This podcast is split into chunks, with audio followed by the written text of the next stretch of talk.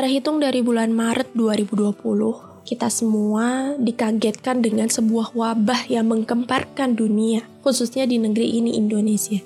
Awalnya mungkin kita ngira itu wabah biasa, tapi kok lama-lama ke sini-kesini makin banyak dan makin kita nggak bisa beraktivitas kayak sebelumnya ya. Akibatnya semua orang merasakan efeknya. Dari pekerja yang awalnya bisa kerja full time dan punya gaji besar, terus tiba-tiba dipotong. Atau bahkan lebih parahnya lagi, orang-orang mendapat PHK tanpa pesangon. Ditambah lagi para pedagang yang seharusnya mendapat pembeli yang berkerumunan yang begitu banyak biasanya yang dagangannya selalu habis tapi nggak pernah habis lagi karena orang-orang nggak boleh keluar dan kondisinya benar-benar berubah. Bahkan anak-anak sekolah, anak-anak kampus semuanya harus belajar dari rumah. Semua orang merasakan dampaknya dari anak kecil sampai orang dewasa sekalipun. Kita bisa aja marah, bisa aja kita kecewa, bisa aja kita geram lantas merasa emosi kita yang meletup-letup. Tapi kalau kata Pak Ari Ginanjar Agustian, kita harus mengendalikan respons kita. Nah, respons kita akan berpengaruh oleh output yang dihasilkan oleh diri kita. Nah, hari ini kita bakalan ngobrolin soal gratitude, khususnya gratitude journal. Jadi apa nih maksudnya gratitude atau syukur? Nah, syukur adalah salah satu cara mengapresiasi diri kita. Kalau kita bersyukur,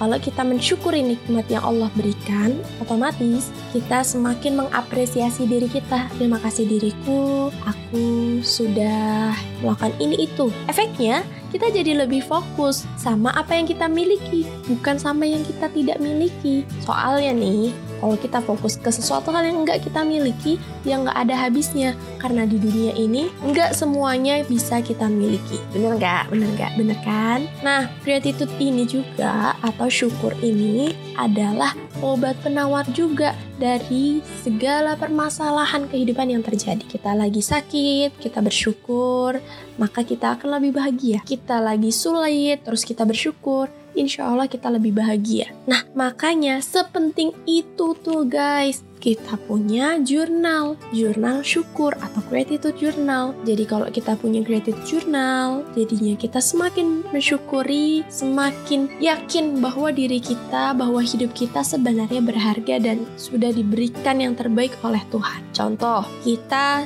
hari ini merasa bersyukur karena hari ini kita masih diberikan nafas, diberikan kesehatan, diberikan waktu, kelapangan. Di saat di luar sana ada banyak banyak sekali orang yang nggak sehat, orang yang meminta sehat, meminta bisa melakukan sesuatu hal, meminta kelapangan. Padahal kita sebenarnya mempunyai hal itu. Di saat yang sama orang lain meminta itu. Nah, dengan kita mensyukuri, dengan kita menyadarinya, maka kita akan semakin bersyukur atas apa yang kita miliki.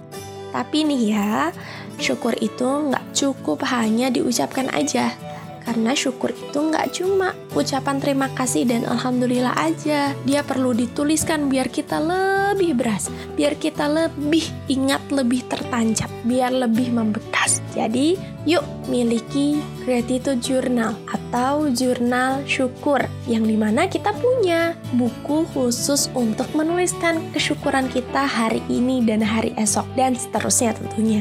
Jadi kalian semua nih bisa banget bikin gratitude journal karena ini nggak susah sama sekali. Caranya tinggal siapin satu buku khusus jurnal syukur. Bisa dicampur diary sih, cuman ya balik lagi ke kalian ya. Pokoknya siapin satu buku untuk ditulis gratitude kita pada hari ini dan hari esok-esok-esoknya lagi. Nah, dalam satu hari tuliskan minimal tiga hal yang kita syukuri di hari ini. Misalnya, pagi hari setelah sholat atau setelah ritual pagi, kita bisa nih nulis tiga hal yang kita syukuri.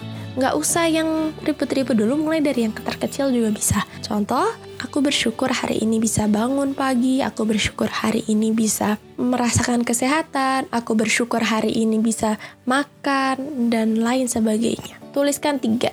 Dan yang terakhir caranya adalah konsisten. Nah, konsisten lakuin ini tiap hari Kenapa tiap hari?